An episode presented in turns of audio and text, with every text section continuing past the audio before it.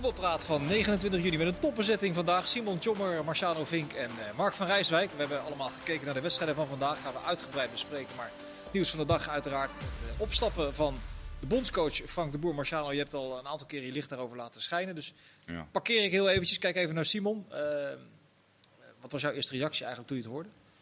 Ik was niet verbaasd. Absoluut niet. Dat hij zelf wel de eerlijk. Ik dacht wel dat het besproken is intern. Dat we het zo communiceren naar buiten. Dat hem wel geadviseerd wordt om deze stap te nemen. Dus ja, nee, niet verbaasd.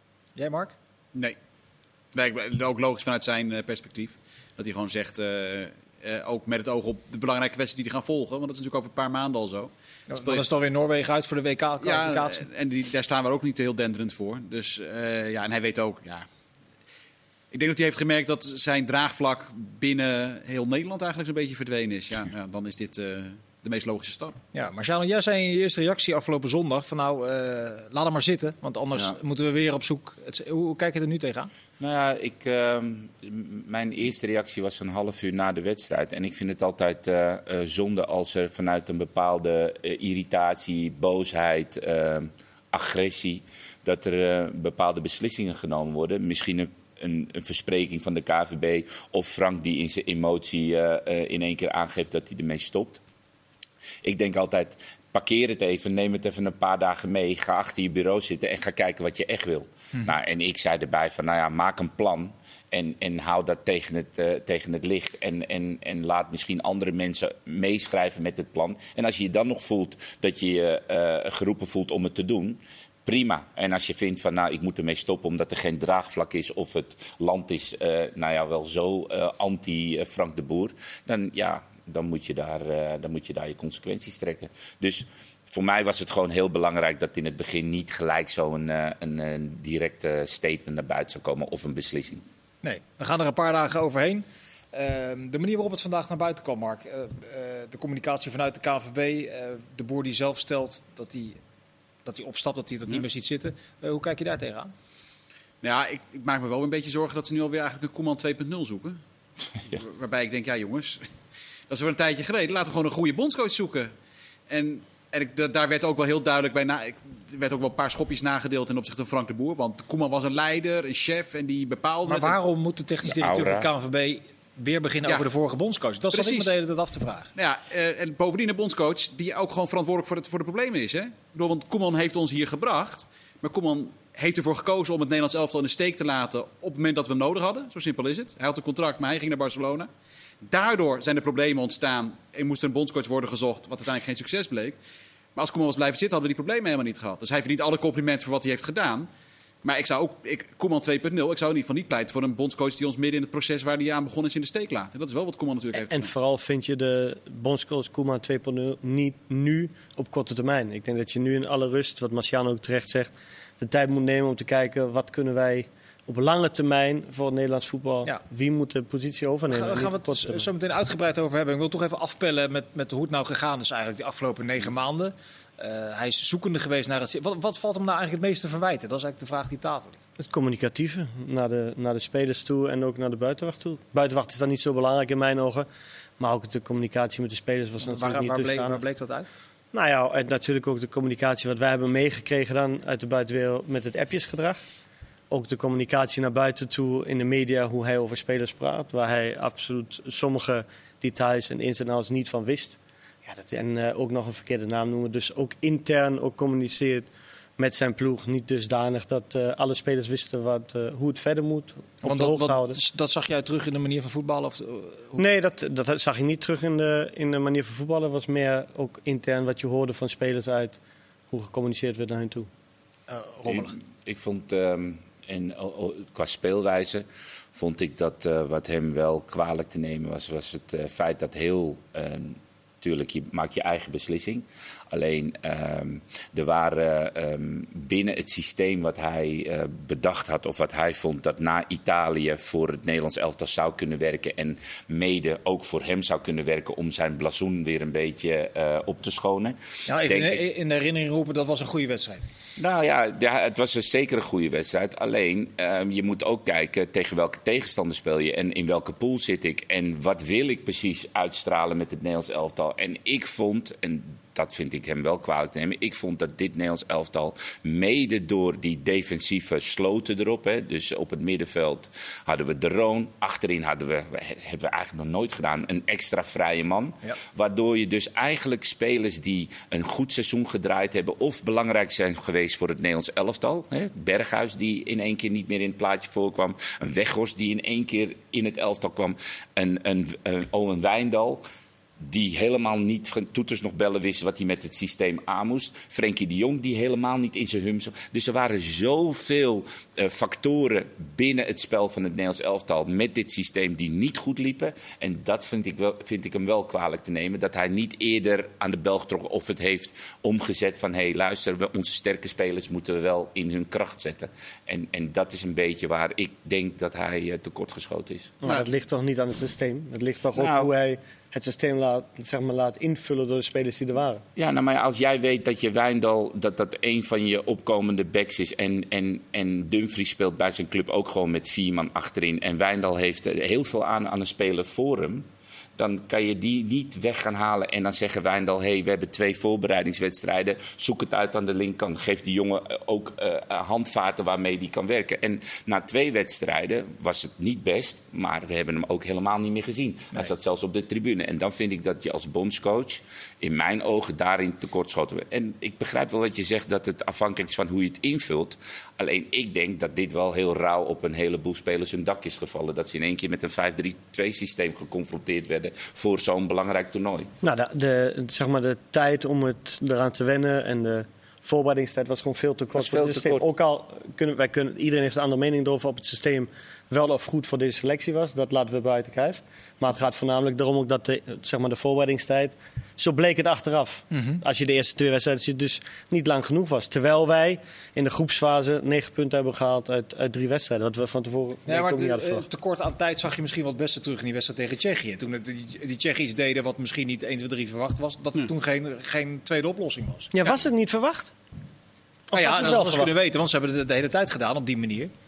Ik denk, dat, ik denk dat ze wel mee Ik stel gerekend de vraag verkeerd. Er was geen, eh, eh, er was geen oplossing voorhanden. Er werd geen de spelers geen oplossing geboden, in ieder geval. Ook niet van de kant. Dat, dat dus ook. De spelers zelf hadden wat kunnen doen, of iemand van de kant, maar niemand deed iets. Ja, voor, precies eigenlijk in het verlengde van wat Marciano zegt. Haal je het optimale uit je selectie. Nou, en dan denk ik dat alleen Dumfries, van Dumfries dat dit, dit EK kan worden gezegd. Zeker. En Wijnaldum tot aan eh, de laatste wedstrijd. Maar goed, de laatste wedstrijd was Wijnaldum wel heel zwak. Maar als je je spelbepalende spelers dus niet eh, tot hun recht laat komen... en daarvan is Memphis denk ik nog wel eh, het beste voorbeeld... die natuurlijk het hele toernooi eigenlijk niet heeft gepresteerd... en Frenkie de Jong ook niet. Ja, dat zijn wel zulke bepalende spelers... die zoveel meer kunnen dan wat ze hebben gebracht. En je ziet, dat zie je bij andere landen veel meer die, die proberen niet een, de, de, eh, de beste elf als het ware te vinden. Maar die eens kijken, hoe, mijn belangrijkste spelers, hoe krijg ik die nou het beste aan het voetballen? Ja. Chaka, wat echt, eh, hoe krijg ik nou Chaka eh, in een rol dat hij het best kan renderen? Want dat is voor Zwitserland cruciaal. Ja. Als Chaka niet rendeert, Maar dat heeft bij Chaka ook wel even geduurd, want dat was ook waardeloos ja, deze wedstrijd. Nee, dat ben ik wel met je eens. Maar uiteindelijk gaat het daar wel om. En ik, en ik zeg, je moet niet alles alleen maar om Frenkie de Jong heen bouwen. Maar op het moment dat je een manier van voetballen kiest... waarbij spelers zoals Frenkie de Jong en Memphis... niet in de buurt komen van wat ze normaal gesproken kunnen... Ja, dan zit daar ook een fout natuurlijk. Ja. Had je het idee dat, dat, dat hij... Nou, laat ik het anders vragen. Hoe verhoudt Frank de Boer zich ten opzichte van de topcoaches... waar onze topspelers wel eh, mee te maken eh, hebben bij hun clubs? Nou, hij is toch geen toptrainer? Ja, dat, ja, hij is nu vier keer op rij. Heeft, hij- is hij niet geslaagd in eh, de missie die hij had. Ja. In Italië niet, in Engeland niet, in Amerika niet... en nu bij het Nederlands elftal niet. Ja, dan kan je... Ja, dat zou heel gek zijn om Frank de Boer dan een toptrainer te noemen. Dat zal hij zelf ook niet doen op dit moment. Ja. En, en de manier waarop hij die spelers begeleid heeft tijdens dit EK. Kon je daaraan afleiden dat zij eh, bij hun clubs gewend zijn om eh, echt helemaal voorgekoud te krijgen hoe ze moeten voetballen? Ja, Bij een club heb je Dit- veel meer tijd. We, we praten over, eh, we vergelijken appel met peren. Dus het, bij een club heb je zoveel voorbereidingstijd. Je, je hebt de selectie, je kijkt naar selectie, je probeert in de voorbereiding. Je past daarop alles aan. En dit was op een korte termijn iets toepassen, een 5 3 waar ik nog steeds denk dat het systeem helemaal niet zo verkeerd is voor deze selectie. Ik denk ook dat Frenkie de Jong de eerste twee wedstrijden heeft laten zien. Als hij in vorm is, kun je voor mij ook eh, met, met zes achterop spelen. Als hij het, de draai Hij op had niet voor middenveld niks heeft kramp in die eerste wedstrijd. Dus dat, dat- Sorry? nog- hij had niet voor niks kramp. Dat heeft hij nog nooit in zijn leven Nee, dat gehad. klopt. de, de, de inspanning die ze moesten leveren was veel. De meters die ze moesten ja, maken. en dat maar vreekt hij misschien een ook wel goede in wedstrijd wedstrijd. 4, hè? Ja, maar ja, we hebben, Mark, we hebben gisteren twee wedstrijden gezien eh, waar spelers rondliepen die ook 70 wedstrijden in de benen Ja, hadden. en die dus ook kramp kreeg. Ja, maar, Maar even terugkomend maar op nou wel een andere intensiteit dan de wedstrijd Nederland-Tsjechië, had ik het idee. Maar terugkomend op Frenkie. ehm, ehm, de kracht van Frenkie de Jong. En, en buiten wat hij allemaal onder Koeman bij Barcelona. Maar de kracht van Frenkie de Jong in het Nederlands elftal. Vanaf het moment dat hij zijn intrede deed. Hè, is Nederland eigenlijk aan het voetballen geraakt. Is toch in die linkerzone eh, het, het spel versnellen. Of daarin het temporiseren. Maar het tempo bepalen vanuit die linkerzone. Als jij die linkerzone al dichtgooit. doordat er drie verdedigers uit elkaar gaan staan. is er voor hem ook minder ruimte. Dus je zag gewoon dat hij zoekende was in alle drie de wedstrijden. En tuurlijk zitten er goede momenten tussen. Tuurlijk fantastische techniek. Alleen je ziet gewoon dat het aantal spelers die belangrijk zijn, die vormgevend zijn voor dit team, gewoon niet hun maximale Die konden hij niet kwijt in dit systeem. precies hun maximale rendement hebben gehaald. En dat vind ik dan Depay. Buiten het feit dat ik gewoon vind dat hij veel meer moet doen. En als jij jezelf zo'n verdette vindt en een ster vindt, dan mag je daar ook wel iets meer mee doen. Hè? 25 ballen achter elkaar balverlies, dat hoort geen enkele speler te doen. Maar het, het lag ook een beetje aan, aan de wijze hoe Nederland, het Nederlands elftal moest spelen. Ja, maar die, diezelfde spelers die jij nu noemt, die zeiden wel toen Koeman vertrok en de boer kwam. eh, wij zijn ook wel zo ver in onze ontwikkeling dat we vinden dat we wat meer eigen verantwoordelijkheid kunnen pakken in wedstrijden. Hebben ze, de- want nu wordt vrij veel bij de trainer neergelegd, maar kun je die spelers dan ook daarop aanspreken? Nou, dat, dat had gekund met het Virgil van Dijk er was. Want het is duidelijk gebleken dat deze selectie dat niet heeft. Vind ik. En, Leiderschap dus. Ja, leiderschap. En ook, de, wat, ik ben het wel eens met Simon wat betreft die, de communicatie. Kijk, Luc de Jong gaat van belangrijk naar eh, keuze 3. Davy Klaassen, die op een gegeven moment ook, die nog niet zo heel lang geleden ook voor Frank de Boer belangrijk was. Hè? Belangrijk doelpunt maakt, eh, goed voetbalt. Komt helemaal niet meer voor in de plannen. Terwijl het toch ook met zijn kwaliteiten nog een speler had kunnen zijn die iets had kunnen betekenen op dit EK. Dus Wijndal inderdaad, die van basisspelers... Weghorst is misschien nog wel het beste voorbeeld. Ja, Weghorst Eerst van helemaal niks- niet, toen basis, toen Ja, normaal. en dat zit in de relatie met uh, Luc de Jong. Dus die hiërarchie, daar, is, ja, daar zit ook... Ik kan me voorstellen dat sommige spelers ook hebben gedacht van... Wijndal, ja, twee kansen gehad en daarna eh, helemaal niks meer. Eh, Klaassen. Die was, toch, die was toch ook nog... In Turkije hadden we nog allemaal het gevoel met z'n allen van... Nou, in ieder geval, hè, die, die brengt wat. En dan met dat Wijnaldum niet... Dat het met Wijnaldum totaal niet loopt in zo'n wedstrijd. Nou, dat- Klaassen heeft krijgt geen seconde. Maar, kunnen jullie als oudspelers daar de vinger op leggen? Als je merkt dat je in een selectie zit waar niet een natuurlijke leider in zit, hoe, hoe, hoe, hoe, zo'n- hoe de dynamiek dan is in zo'n, eh, in zo'n groep? Ja, dat kennen wij niet. We waren allebei natuurlijke leiders. Nou, Simon, jij zeker niet, maar Marcelo? Nee, ik zit heel hard op na te denken. Wij hadden natuurlijk wel leiders. In mijn tijd, eh, Jan Wouters, eh, weet je, bij Ajax, ik heb hem bij PSV zelfs gehad. Dat, dat was gewoon één blik of één ja, harde correctie. Van, waar- en je wist gelijk. En dat heeft ieder elftal altijd nodig. Dat kan niet zonder. Nou ja, ik denk dat eh, leiders sowieso nodig zijn. Ik zit nu even naar Duitsland te kijken. Engeland misschien is een team wat op dit moment misschien niet echt een leider Nou, daar is Kane wel een beetje de baas. Nou, is Kane echt de baas? Hij staat ter, ter discussie eh, in Engeland. Ik denk dat spelers die ter discussie staan en nu in niet de meer pers. er eentje ingekopt. Nee, precies. Maar spelers die ter discussie staan in de pers. Spelers lezen ook kranten. Spelers weten ook precies hoe, hoe je ervoor staat. Of dat je niet scoort. Of dat er misschien een kans is dat je daar. Dus eh, het leiderschap bij Engeland.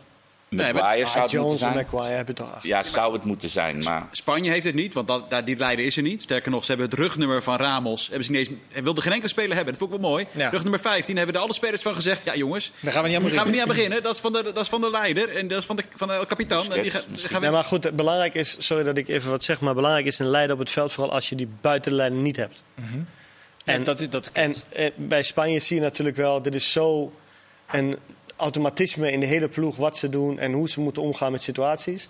Dat, en de kwaliteit van de spelers, dat laat gewoon ook over dat je aan de zijlijn een leider hebt. En op het veld leiders hebt die het voetballend gaan ja, oplossen. maar dan zie je wel dat Busquets erbij komt. Dat is wel belangrijk voor de, Nou. voor, voor de ploeg geweest natuurlijk. heb je gelijk in, ja. En Maar- eh, Italië heeft ook, weet je, Verratti kwam er dan weer bij. nou, Maar, eh, Bonucci, Bonucci ja, maar Chiellini echt- valt ook weer. Ja, en Chiellini valt Bonucci, weer. Bonucci is echt wel de leider in dat team. Als je ziet hoe hij daar eh, de boel eh, scherp houdt.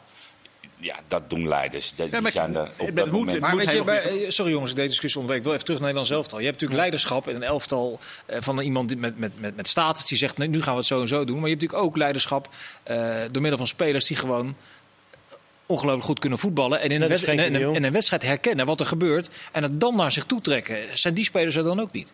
Jawel, kijk, de voetballende kwaliteiten, Frenkie de Jong niet alleen met nationaal elftal, maar ook in het, in het, eh, bij Barcelona is hij door zijn voetbalkwaliteiten een leider aan het worden.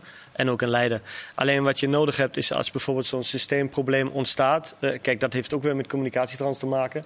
Hoe je een team eh, voorbereidt op de situatie die ontstaan in een, in een wedstrijd, in een 50-2 Jij, jij systeem. concludeert eigenlijk dat Nederland zelf was slecht voorbereid die wedstrijd tegen Tsjechië.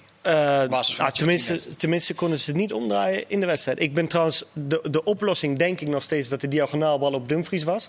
Maar dat was gewoon de verkeerde oplossing. Laten we het daar wel even op houden. Ehm, maar in het veld was niet iemand, en dat hadden we niet... die bijvoorbeeld, wat wij vroeger wel hadden... een trainer kon neerzetten wat hij wou. Als wij op het, in het veld merkten, we moeten anders spelen... dan gingen we anders spelen. Dan zou, Daley Blind dat dan niet kunnen? En dat is niet, natuurlijk wel. Ja. Dat, Natuurlijk kan dat is Daley de- Blind mij, neerzetten. Hè, zoals de, sommige landen die hebben met het inschuiven van een één speler kan, kan je al een hoop veranderen. Ja, voor mijn gevoel is Daley Blind degene Maar die en het kan zien en het uit kan voeren. Want die kan zo op het middenveld als achterin eh, heel makkelijk. En die heeft die routine, die heeft die ervaring. Dus Kijk, het enige, het enige wat ik niet begrijp is, eh, of wel begrijp, maar je zag vandaag, we hebben het vaak over de oplossing. Daar moet je, als we met drie eh, man ons onder druk zetten, moet je wel met vier man achterop spelen, met twee in centrum.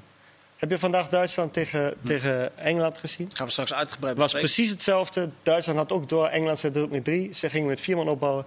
En Engeland bleef gewoon met drie man druk zetten. Dus ook dan had je weer een nieuwe, nieuwe oplossing moeten vinden. Ja. En het had niet alleen met de poppetjes te maken, maar ook gewoon uit het spel. We gingen uiteraard in, de, eh, in het interview met eh, Nico-Jan Hoogma ook weer over de poppetjes. Ik, ik, ik vond het niet zo'n niet zo'n heel sterk optreden, eerlijk gezegd, qua, eh, qua interview. Als je, als je in iedere tweede zin de, naam Koeman moet laten vallen. Dat- ik, ik vind het zo... Ik vind, Ik vind het echt verbijsterend hoor. Nogmaals, Koeman heeft het fantastisch gedaan, maar hij is ook weggegaan. Ja. Al een tijdje geleden.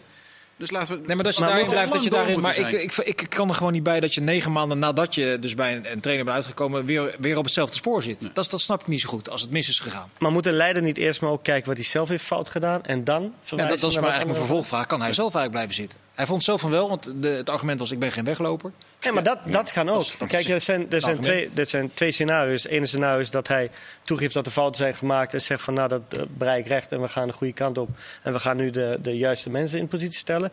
Of je herkent dat de fouten, of je ziet het zelf niet, ja, dan ben je sowieso niet Ja, de goede dit is de zevende bondscoach sinds eh, 2014. Dan gaat het niet eh vlekken. Niet allemaal onder zijn bewind trouwens eh, geïnstalleerd. Maar er zit geen enkele structuur en vastigheid in. Vroeger was een bondscoach één keer in de vier of zes jaar werd dat gewisseld.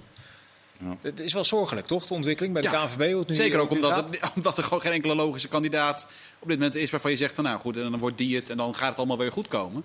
Je moet of naar het buitenland of je komt bij trainers uit die eh, al een functie hebben eigenlijk. Ja. Nou, ik, heb vandaag wel 30 namen voorbij. ja, eh, precies. Maar, en, komen. dat, en, dat- en, dat, en dat vereist dus nu echt rust en een goede visie. Ja.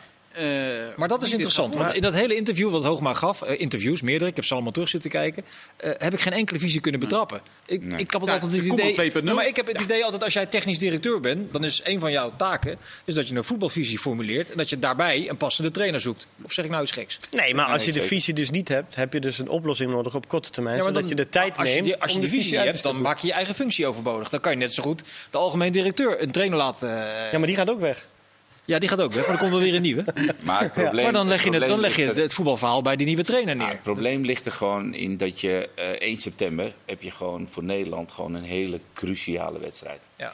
Dus ehm, een tussenpaus, een buitenlandse trainer, een trainer eh, wacht op een trainer die nou bij een, bij een goede club zit en ontslagen zou kunnen worden. Die tijd heb je niet. Dus je moet ergens naar een oplossing gaan, gaan komen, toewerken, waarin je zegt van oké luister, we willen weer herkenbaar voetbal spelen. We willen weer volgens de Nederlandse filosofie, maar het moet wel eh, op 1 september eh eh, zo ver zijn dat je die wedstrijd ook ingaat met allemaal neus dezelfde kant op, maar ook gewoon met eh, het resultaat wat belangrijk is. Want je wil uiteindelijk naar Qatar. Ach, Maar is deze dat niet het technisch belangrijkste? directeur. Ja, Is dat niet gewoon het Ja, belangrijkste? je moet nu eerste vier, wedstrijden op rij winnen. Alleen het Ja. resultaat? En, en dat, maar ja, er moet wel iemand voor de groep, eh, voor de groep staan die eh, deze groep. Maar acht eh, jij, deze, Marcel, acht jij deze technisch directeur in staat om zo'n duidelijke koers neer te zetten binnen nu in een paar weken?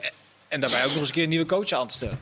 Nee, ja, dat weet ik niet. Ik weet niet in hoeverre hij eh, een, een lijstje al. Want je, je, je hebt natuurlijk ook wel in de gaten hè, naar Turkije dat er bepaalde dingen niet goed gaan. Die 4-2, dat viel wel rauw op iedereen zijn dak.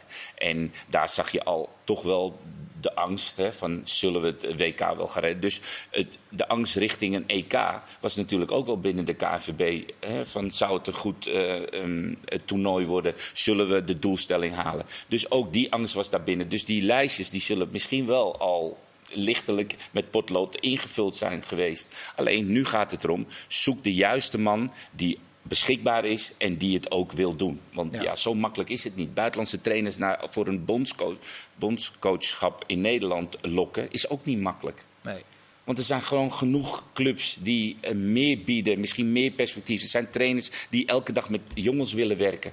En wij hebben misschien het bondscoachschap hier zitten, maar in het buitenland is het misschien niet eens een functie die, waar iedereen achteraan rent.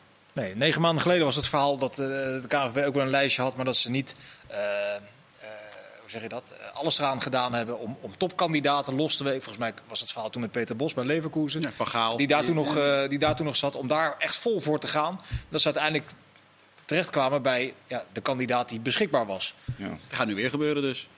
Ja, dat, dat is de- eigenlijk de vraag die op tafel ligt. Nee, maar dat- natuurlijk. Want ja, je- Ten Hag is denk ik, voor wat iedereen denkt, het zou ideaal zijn. Ik denk niet dat Ten Hag het gaat doen. Eh, jij denkt, Bouden niet dat het ideaal zou zijn? Of- Jawel, absoluut. Maar Maar die die gaat gaat, het nooit doen. Die Nee, wil eerst de hoogste successen met clubs behalen. Daarom, die, die, die, die gaat het nu niet doen. Maar ik zou wel in eerste instantie met hem gaan praten. Maar goed, dat, Maar, dat, maar dat, dat, ik kan ook Miss World bellen en vragen of ze met me op stap wil. Maar die gaat niet terugbellen. Dat heeft Weet niet je zeker? Ja, ja, maar dat, Nou ja, wat je Dat is alles misschien een slecht voorbeeld, maar dat, eh, je snapt wat ik bedoel. Nee. Nee, maar AZ heeft ook een paar verrassende trainers binnengehaald... waarvan ze in eerste instantie ook niet dachten. AZ begon ook toen op één. En dan gaan, gaan we eens praten. Ja, maar met wie begon, begon AZ?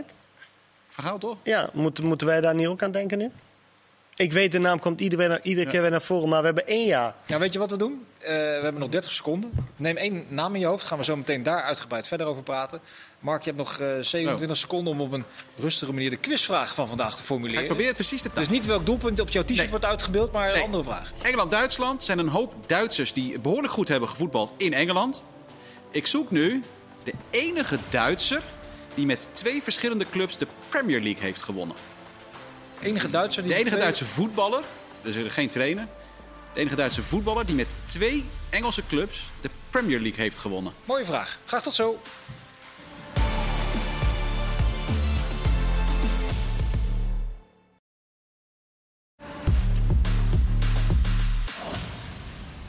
Deel 2 van Voetbalpraat. Deel 1 werd zojuist eh, afgesloten met een, eh, nou, ik mag wel zeggen, een fraaie quizvraag van je, eh, Mark. want als ik hem niet weet, dan is die buitengewoon. Eh, Heb je nog een hint erbij? Want Ja, je zat net even te denken. Een verdediger. Moet ik ook de clubs al geven? Doe nog één keer de vraag. Eh, Duitser, de enige Duitser die met twee clubs, verschillende clubs, kampioen werd in Engeland in de Premier League.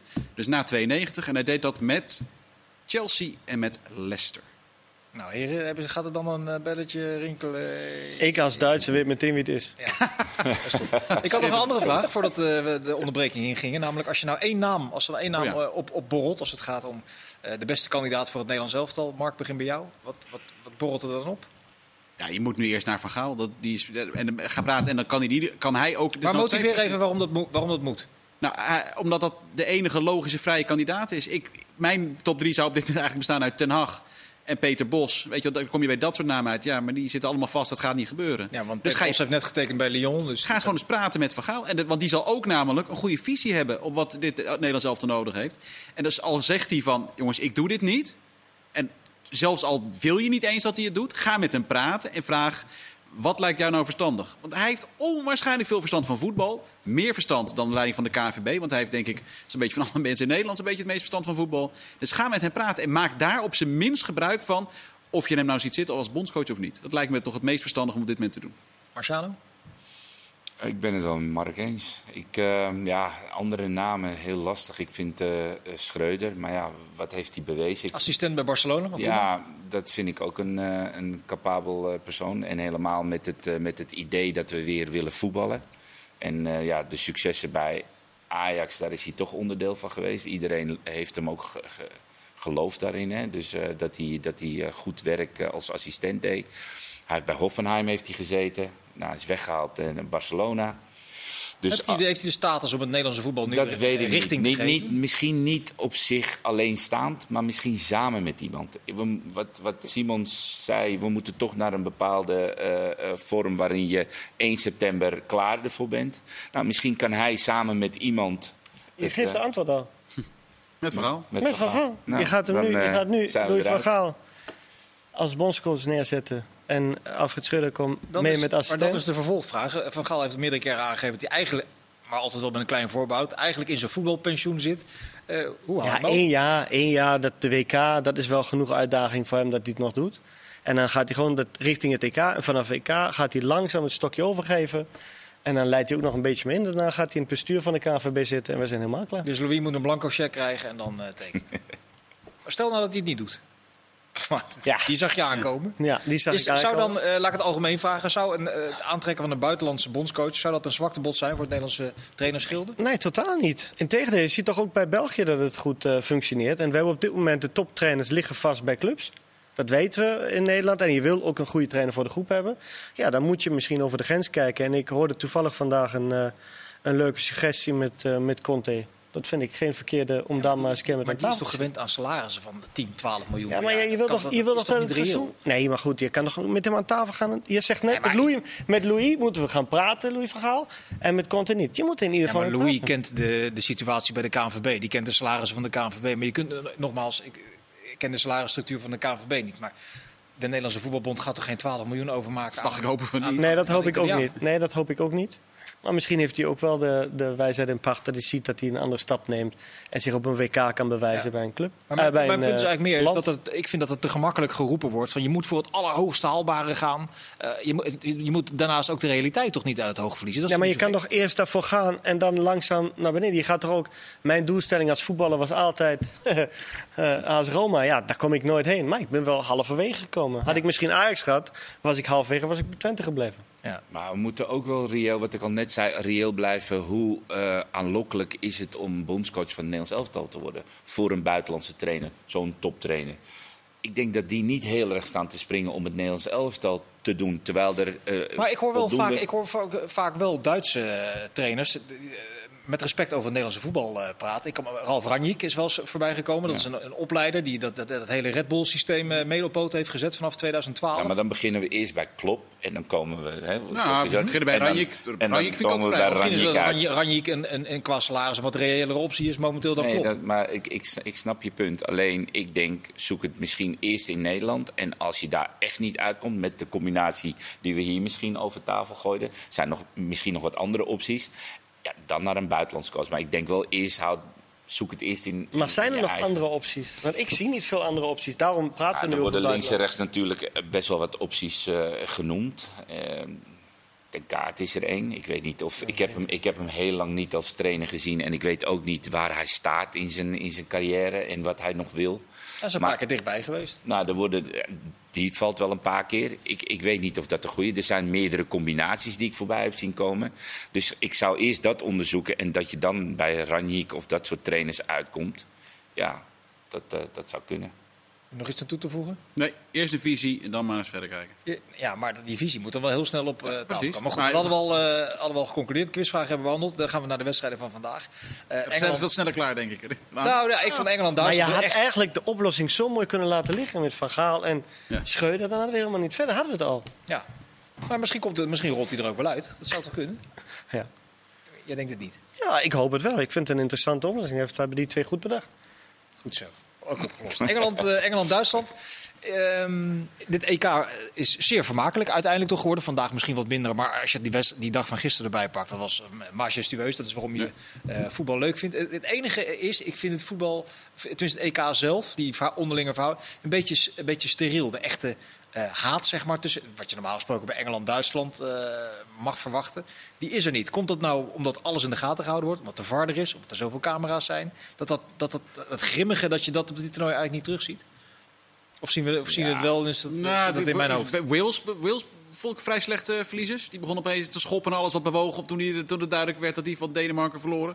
Nederland had, begon ook wel een klein beetje Mhm. kaarten te pakken uit een soort irritatie. Maar het is inderdaad niet Dat hele rauwe, dat grimmige. Nee, dat, die, ja. Maar het is toch ook zo dat ehm, zoveel van die spelers die voetballen in zoveel clubs, die zijn allemaal collega's. dat Eh, die zijn. zien elkaar zes keer per jaar als tegenstander. Dus het is heel erg ons kent ons. Ik denk als Duitsland tegen Engeland speelt, er zijn er gewoon zoveel dwarsverbanden eh, dat je van haat en nijd wat je vroeger had, hè, dat Duitsland voornamelijk nog Duitse spelers had die in Duitsland in de Bundesliga speelden en eh, vice versa. Ik denk dat dat wel echt wel weg is. Ik, ik- je ziet die gasten echt Werner en omarmen. Havertz, allemaal dat soort gasten. Die spelen allemaal in de Premier League. Ja, daarom. Het Die, gaat nog die- verder. En niet alleen de clubs, maar ook vakanties, dusdanige Ja. dingen zijn nu worden allemaal georganiseerd door mensen die om de spelers heen hangen. Dus de wel een feestjes. keer eh, veldslag. En, en je hebt natuurlijk zaakwaarnemers die, die meerdere spelers uit meerdere landen vertegenwoordigen. Dus ja, ik denk dat die dwarsverbanden zo heftig zijn dat die echte rivaliteit of de echte eh, ja, agressie waar, je- waar jij het over hebt, dat dat al lang niet meer is. België-Italië zou kunnen. Ja? Ja. Nou, dat, dat België-Italië wat, wat, wat viezer potje wordt. Dat sluit ik niet uit. Nou, Lukaku is daar een beetje eh, waar ze angstig voor zijn hè, Nou, dat in snap ik. Italië. Nou ja, de- Daar ja. mag iedereen bang voor zijn, hoor. Terug naar Engeland-Duitsland, want de kranten hebben er wel alles aan gedaan. Dan kun je aan de tabloids in Duitsland en, en Engeland trouwens wel overlaten om, eh, om dat sfeertje een beetje op te, op te poken. Maar ook dat is, in de 96 ging het gewoon nog eh, echt letterlijk met de Tweede Wereldoorlog erbij. Dat op een gegeven moment zelfs de Engelse spelers zoiets hadden van... Oh, nou, Kan eens een tandje minder. Jongens, ik weet het niet. We hoeven ze ook niet eh, allemaal daadwerkelijk al die elf spelers een natie te noemen. Want daar ging het op een gegeven moment... eh, Die kant ze, op. ze hebben gelukkig geleerd, dat ja. opzicht. Eh, die, die, die wedstrijd was... was nou, hoe zou je hem eigenlijk willen typeren, Simon? Nou, een wedstrijd in mijn ogen op, op een eh, tactisch hoog niveau. Waar ik toch vond dat Engeland gedurfde, eh, durfde te voetballen. Eh, je zag vooral, wat ik vond altijd, wat ik kijk ook naar wat laat je als restverdeling over. Dat zag je toch bij Engeland. Maar Maar Engeland durfde toch in eerste instantie helemaal niet zo goed te voetballen tegen dit Duitsland, de eerste helft. Ze hadden het gespiegeld Ja, in de opstelling. eh, dat klopt, van maar ik vond wel dat zij, eh, als je goed kijkt in balbezit, eh, gedurende de wedstrijd duurde, liet Engeland vaak vier spelers achter. Dat betekent drie plus één. En eh, Duitsers lieten toch vaak meer spelers achter de bal, omdat ze toch bang waren voor de counters van de Engelsen. En Duitsland speelde vaak alleen met Werner en met veel zwerving, Mullen en Havertz eromheen. En ik vond bij Engeland wel dat zij wat meer risico durfden te nemen Ja, dan Duitsland. maar als, Dus de, als een overwinning. analist eh, zijn verhaal, zijn betoog begint met ik vond het een tactisch interessante wedstrijd, dan heeft de neutrale toeschouwer niet zoveel aan gehad. Nee, dat klopt. Maar goed, je zag daar bij Vlagen ook wel weer fantastische acties. Zoals bijvoorbeeld van Sterling, hoe hij zijn goal inleidt. Nou, dat in zo'n kleine ruimte met zo'n snelheid dan eh, toch zoiets uit kan komen. Ja, dat is voor mij het allerhoogste Die kans niveau. van En daar kijk ook erg Sterling naar uit. inleiden, het eh, einde van de eerste helft. Voor mij is, eh, is, is na deze wedstrijd wel gebleken dat Engeland niet zonder Grealish kan. Nee. Want die Maar- is toch wel in de. Nou ja, maar ze hebben het vier wedstrijden geprobeerd om hem toch buiten de selectie of buiten het elftal te houden. Maar op het moment dat hij eh, binnenkomt, eh, heeft hij zijn maniertjes, hij heeft zijn dingetjes. Maar hij is toch wel weer bij die twee goals als verbindingsspeler of zelfs assist is hij betrokken. En daarvoor gebeurde het allemaal. Maar mag ik dan niet. even een hele domme vraag stellen? Waarom stelt hij hem niet op? ja, nou, dat is voor jou een vraag, voor mij ook een vraag. En voor hem waarschijnlijk een weet. Maar ik, ik heb geen idee. Want het is toch wel aantoonbaar duidelijk dat, en je, je merkt het aan het stadion ook, als hij warm gaat lopen, het hele stadion raakt in een extase. En hij komt erin en er gebeurt wat. Ja. Maar dit was ook, met, met dit, met dit, als je die vijf achterin even niet meetelt, dan heb je dus Rice, Phillips, Saka, Sterling en Kane. Hoeveel creativiteit zit daarin? Niet zoveel. Nou, niet zo heel veel. Want kijk, als je Mount nog hebt. Maar die kan toch één van die twee inwisselen voor Mount? Of weet ik nou geen Ja, gaan je naar Mount met- natuurlijk met, met het hele corona gebeuren. Dus dat zou kunnen dat dat de reden was. Dat Mount speelt eigenlijk alles. Maar met dat Mount dan wegvalt, omdat hij pas heel laat weer heeft aan kunnen sluiten bij de selectie.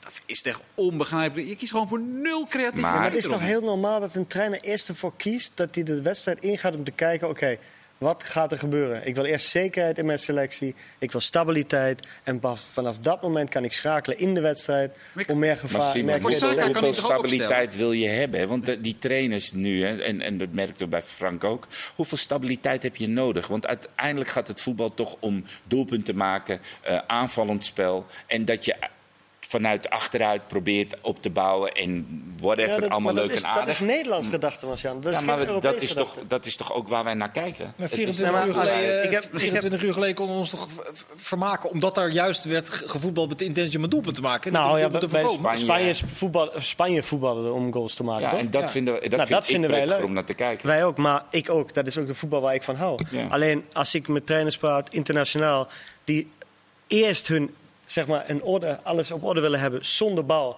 En dan goals willen maken, eigenlijk uit de situatie dat ze de bal niet hebben. Betekent een bepaalde pressie spelen, balverlies creëren en daar binnen twee basis voor zijn en de goal maken. Dat, is ik. ook het Dat internationaal. snap ik. Alleen als je kijkt bijvoorbeeld gisteren naar Frankrijk. Frankrijk begint dus met eh Langlais, met eh Kimpembe. En die beginnen met drie achterin. Mhm. Hè? Dus eh, een beetje met een vijfmans verdedigingssysteem. En Varaan. Dat werkte niet.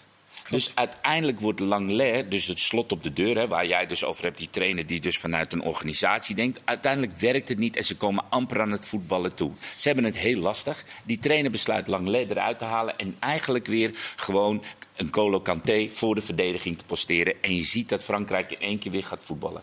Toch? Dus vanuit het beginsel werd er gedacht, we gaan uh, hè, het hele toch weer terug organisatorisch... op betoog wat je net ook al hield. Het is gewoon het angstdenken om, om, om, eh, Ja, en dat om achter te ik. komen, weet ik veel. Je kan toch beter vanuit het voetbal eh, eh, denken. En ehm, helemaal met Frankrijk met zulk talent wat je hebt. Helemaal Nederland met zulk talent wat je hebt. Ga vanuit Maar het voetbal. geldt- het maar- geldt voor Engeland maar toch net zo één goed? Ding, één ding voor mij, ik zeg je niet wat ik leuk vind. Ik weet hoe de trainers denken. Ik persoonlijk ben een En- liefhebber van een aanvallend voetbal, balbezit denkend en vooral dominant voetballen. Alleen de huidige trainers zijn ook in, in Engeland, als je kijkt, redeneren eerst: oké, we moeten het eerst hebben staan zonder bal en vanuit daar moeten we gevaarlijk Precies. worden. Maar Simon, stel nou dat die Engelsen, sorry Mark, dat die Engelsen dadelijk, eh, de achterkant is niet zo heel groot, maar struikelen over die Oekraïners. Wat, wat, wat hebben die dan voor toernooi gehad? De Engelsen, Ja, heel slecht te doen. ja. Ja? Ja, Geen moet- enkele leuke wedstrijd gezien. De laatste 20 minuten tegen Duitsland was aardig.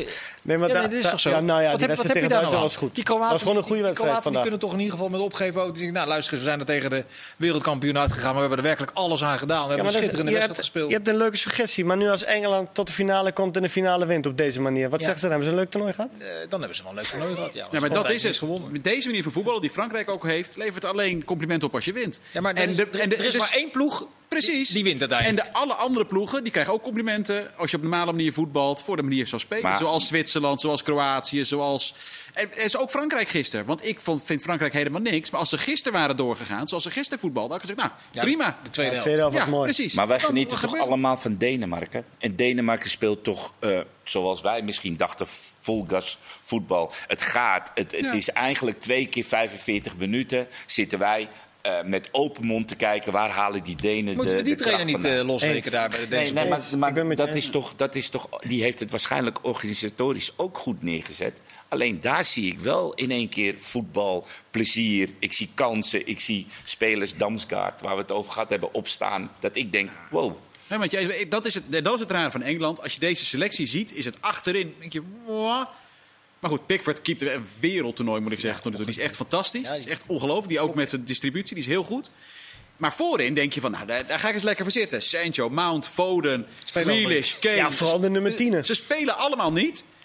Vier wedstrijden, vier voor, nul tegen. Dat is echt ongelooflijk. En daarmee kan je inderdaad Europees kampioen worden. Alleen het is compleet ander Engeland dan we met z'n allen gewend zijn. Ja, wat het mooie is bij en dit dat vind Engeland, ik op zich ook wel weer interessant. Dus. wat jij ook terecht zegt, en dat is die spelers die je net allemaal opnoemt, dat zijn wel wapens die ze hebben, die ze normaal nou ja, nooit hadden volgens mij. De laatste keer was Gascoigne volgens mij, die de eh, waanzinnige nummer 10 kon uithangen. En nu hebben ze er echt vier van. En die spelen niet, maar die kunnen wel ingebracht, wat Ja. jij terecht zegt. Ja, maar je- Hij brengt hem daar wel in.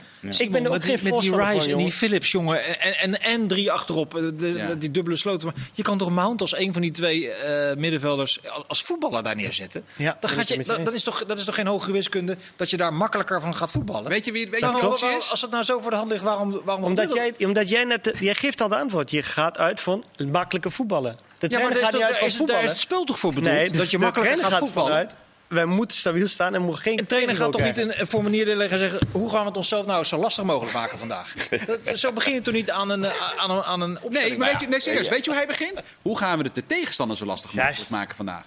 En maar dat daar- is, daar snap ik gewoon niks Ja, van. nee, Dat maar is dat snap ik van. Maar dat is de hele uitgangspositie. Want weet je wie de derde keuze is voor die positie als Philips of Rice? Wie komt er dan staan? Henderson, ja. Ja, echt, Mount is echt optie eh, 700. Dat gaat echt niet gebeuren. Dus nou zet hij nog een, zet hij nog een verdediger erbij eh, voordat hij Mount dat doet. Hij heeft dat blok. Hij kan eventueel, want het, de- hij kan wel dus met Mount er nog voorspelen dat hij eh, een soort 4-2-3-1 gaat spelen. Maar hij gaat nooit, nooit Mount op Nou, dan hoop ik zetten. dat Denemarken het Europees kampioenschap wint en dat we allemaal weer teruggaan naar het voetbal. Ja, In zijn, plaats van eh, hoe kan ik een tegenstander het moeilijk maken. Van de antivoetballers van Zweden, minus eh toch? Forsberg, zijn we af. Mag je dat zo, eh, mag je dat zo zeggen of niet? Ik heb- was even aan het knuffelen. Wat Heb je heel veel plezier, nou, laat ik het anders vragen. Heb je veel plezier beleefd aan de Zweden, dit toernooi? Op Forsberg na. Bij van, nou, Forsberg na. Nou ja, bij Isaac. van- nou, Isaac ook. Ik zag bij Vlagen zag ik leuke dingen eh, voorkomen. Vandaag ook probeerden ze wel absoluut. Je zei het fantastisch voor de wedstrijd, of tijdens de wedstrijd. Tot de 70 minuut doet eh, Zweden er alles aan. Dat hebben ze gedaan.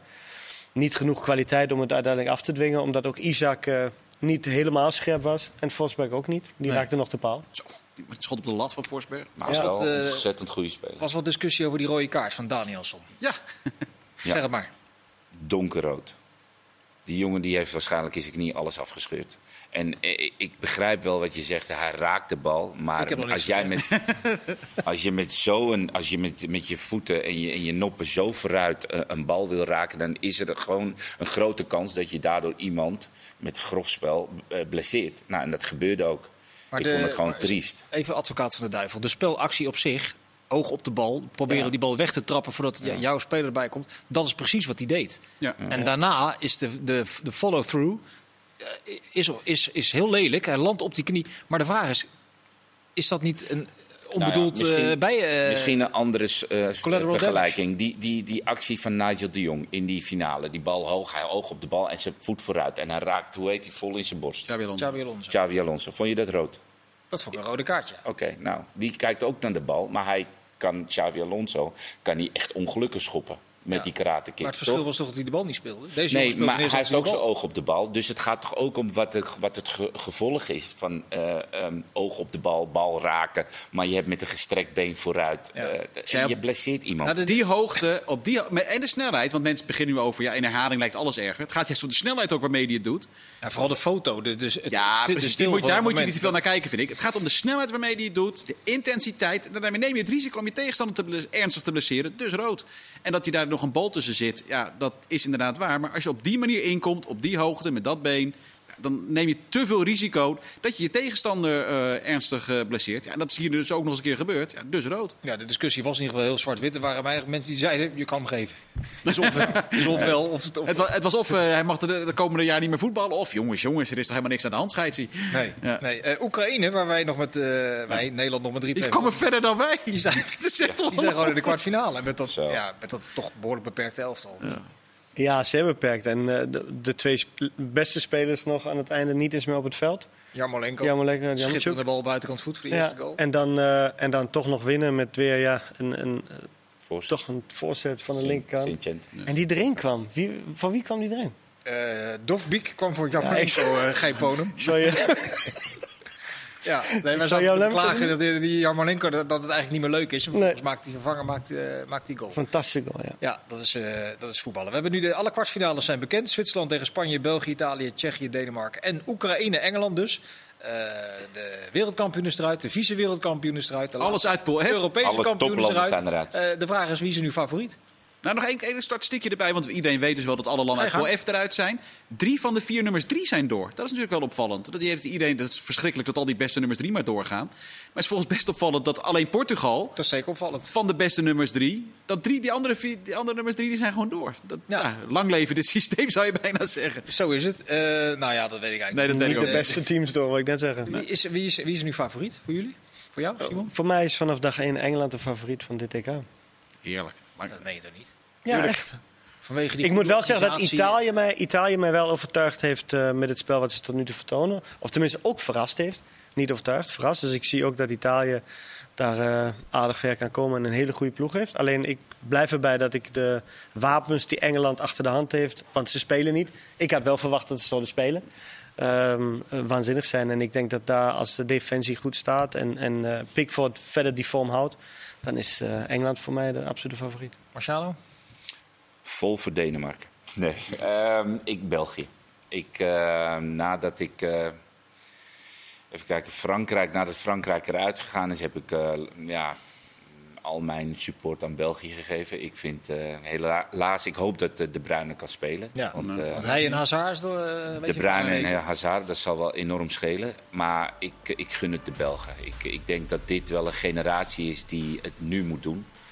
WK zou nog net kunnen, maar dit was wel, Ja, denk ik het moment dat ze een prijs moeten pakken. Mark, voor jou, en dan mag je gelijk het antwoord op Ja, de precies. quizvraag Dat geven. was ook weer Ja, precies. ja, hè. Ik ja, mag ik steeds afsluiten. Leuk. Spanje eh, vind ik echt vind die speler gewoon fantastisch. Hartstikke leuk om te zien. En die gun ik het dus ook wel. En eh, die, die moeten dat kunnen redden. En de Duitser die bij Leicester en Chelsea kampioen werd, Robert Hoed. Daarmee dank ik u voor het kijken en jullie voor jullie aanwezigheid. Tot de volgende keer. Dag.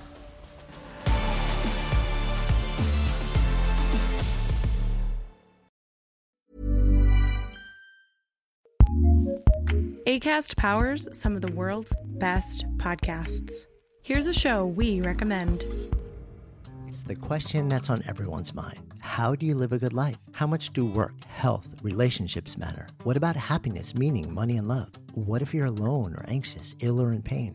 These are the questions we explore weekly on the top ranked Good Life Project podcast, hosted by me, award winning author, four time industry founder, and perpetual seeker, Jonathan Fields. Every week, I sit down with world renowned experts, iconic writers, and researchers. And while everyone from Olympic gold medalists to world shaking activists, A list celebs, musicians, and more, all with the single goal to help understand what it truly takes to live a good life and to feel a little less alone along the way. Listen to the Good Life Project podcast on the ACAST app or wherever you get your podcasts. ACAST recommends.